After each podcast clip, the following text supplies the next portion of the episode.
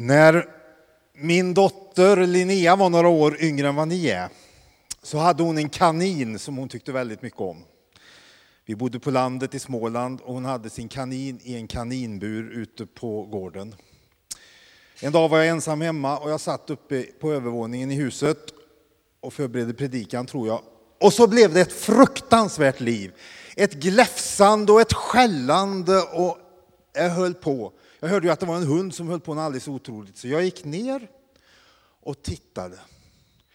Då är det en jakthund som har snedtänt och står och glafsar och glufsar och river i vår kaninbur och får upp ett hål. Det är ett liv utan like. Kaninen springer ut och hunden efter och de drar järnet ut över en åker i närheten.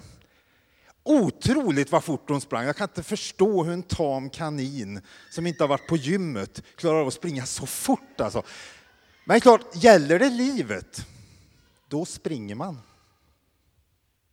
Jag hörde hur eh, hunden och kaninen höll på där borta, och hunden som skällde bort i skogsbrynet.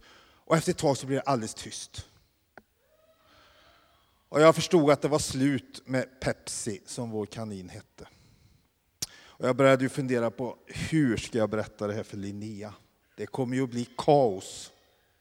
Och det blev det. Hon blev helt förtvivlad och grät. Och jag försökte, vi, vi köper ju en ny kanin, vi ska ordna det här. Men hon gav sig inte. Pappa, vi måste gå ut och leta efter kaninen. Tänk om den har klarat sig. Nej, vi köper en ny kanin, den klarar inte sånt där. Tyvärr, tyvärr. Pappa, vi måste gå ut och leta efter kaninen. Inte kan du väl lämna en kanin? Och som god förälder man vill vara, så på med stövlar, det var på höstkanten där, på med stövlar, pannlampa, ficklampa och så ut över åkern.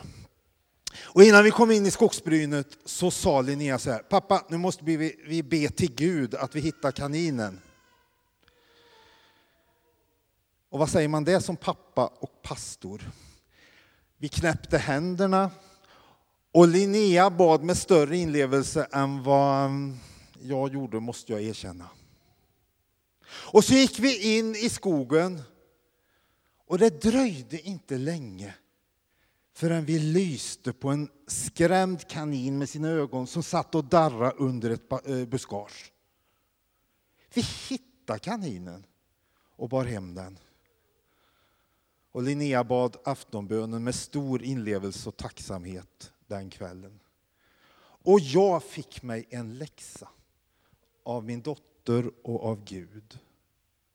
Tänk vad lätt jag och vi som har kommit en del upp i åren, alltså vi kan så mycket, vi är rationella och, och vi förstår så mycket och vi tar liksom vi förklarar livet och organiserar det. Det är klart att det hade varit bättre att köpa en ny kanin, tänkte jag. Och tänkte faktiskt inte på att be Gud om hjälp.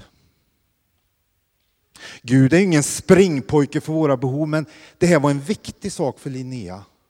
Och jag tänker, och vi tänker, vi som har fått förmånen att vara, vara ledare för er, att var rädd om det här som unga människor och barn ofta kanske har visat på ett väldigt naturligt sätt.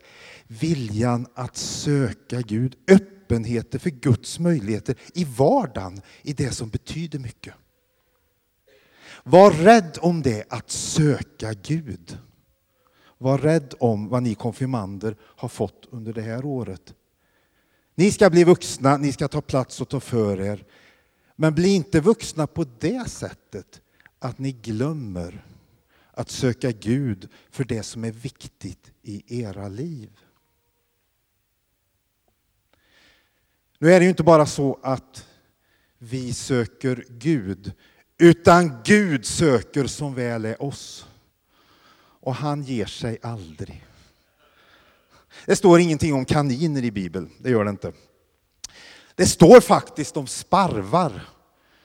Där står det att inte ens en sparv faller till marken utan att Gud vet om det och faller med. Alltså det är ett uttryck för Guds omsorg om allt och alla. Och så säger Jesus, hur mycket mer värda är inte ni, människobarn, mina barn, än aldrig så många sparvar? Jag är med er, jag vet allt, jag håller er i omsorg. Lita på mig, jag söker er, jag vill leva tillsammans med er. En klassisk bild är ju den här. Jesus som den gode herden. En bild, Jesus använder ju ofta bilder från naturen. Jesus som söker upp, och särskilt om ett lamm eller ett får liksom har sprungit bort och gått förlorat. En klassisk bibeltext som konfirmanderna känner igen, det är ju den här med när 99 får lämnas hemma därför att Jesus går ut och söker det hundrade fåret som har sprungit bort, som har fastnat, som är i utanförskap och inte hittar hem. Då är det en bild på hur Gud är med oss. Han söker oss därför han vill oss så väl och att det ska gå väl för oss. Till sist. Vid en sån här högtid för en massa år sedan så var det en journalist, Elisabeth Sandlund, känd journalist relativt. Hon var eh, ekonomijournalist på Svenska Dagbladet. Hon var i en kyrka för att fira högtiden att hennes dotter blev konfirmerad. Och hon var stolt för att dottern hade klarat av det. Det är helt naturligt. Det är en högtid i familjen precis som det är för oss här. Och så berättar hon, och så skriver hon i en bok, att helt plötsligt, hon var där för sin dotters skull, men helt plötsligt i den gudstjänsten så drabbas hon av det oväntade, säger hon. Hon drabbas av att Gud blir så tydlig i sin kärlek in i hennes liv. Så hon brister i gråt där, hon har skrivit om det här. Och sen håller hon på flera år efter att ta reda på vad var det egentligen som hände. Jag som levde mitt liv och hade ordnat så oerhört... Eh, alltså hon beskriver sig själv att hon hade ett bra liv, ett framgångsrikt liv. Gott om pengar, lycklig på många sätt och vis. Helt plötsligt står Jesus där, visar sig för henne och söker henne. Hon blir drabbad av Gud. Hon är sökt av Gud långt innan hon förstår att hon själv behöver Gud i sitt ganska goda och välordnade liv. Att söka Gud. Låt oss vara rädda om det i våra liv. Att bli sökt av Gud, en fantastisk gåva som gäller oss alla. Och egentligen är det väl så här att vi, vi har drömmar för våra ungdomar, vi har drömmar för oss själva.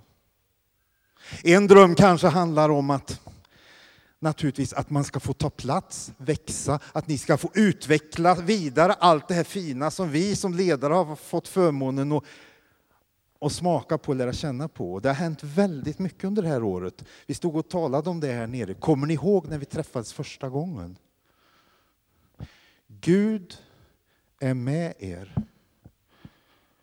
Och var rädd om hans plats i era liv när ni växer vidare. Det är ju lätt att tro att vi ska kolla in och följa varann och följa John och följa kompisar och göra som alla andra gör. Men Gud söker oss och säger till oss, ja visst får vi följa varann, men följ Jesus. Det är ju faktiskt utmaningen in i våra liv. Och så får vi söka honom så långt vi förmår och så söker han oss. Och ibland har vi ju nidbilden att när Gud söker oss så handlar det om att liksom kolla vad jag har gjort rätt, vad jag har gjort fel. Vad liksom... Det finns ju såna här fördomar och filter och konstigheter som, som ibland lever kvar. Men Gud söker oss med kärlek. Därför att han har gett sitt liv för oss. Vill forma oss och förvandla oss.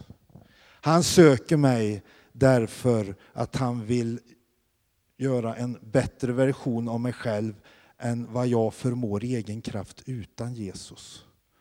Gunnar 2.0 om du vill. Inte som ett krav men som ett erbjudande. Han vill oss väl odlar fram det vackraste i oss.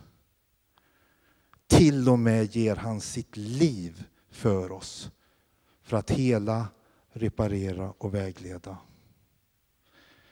Och vi som har kommit en bit i livet, de här ungdomarna konfirmeras nu, det vill säga det betyder ju bekräftelse.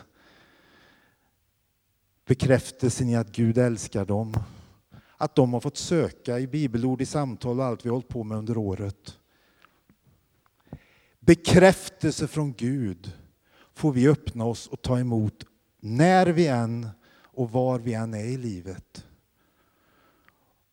Och vänner och föräldrar och de som är i min ålder och äldre.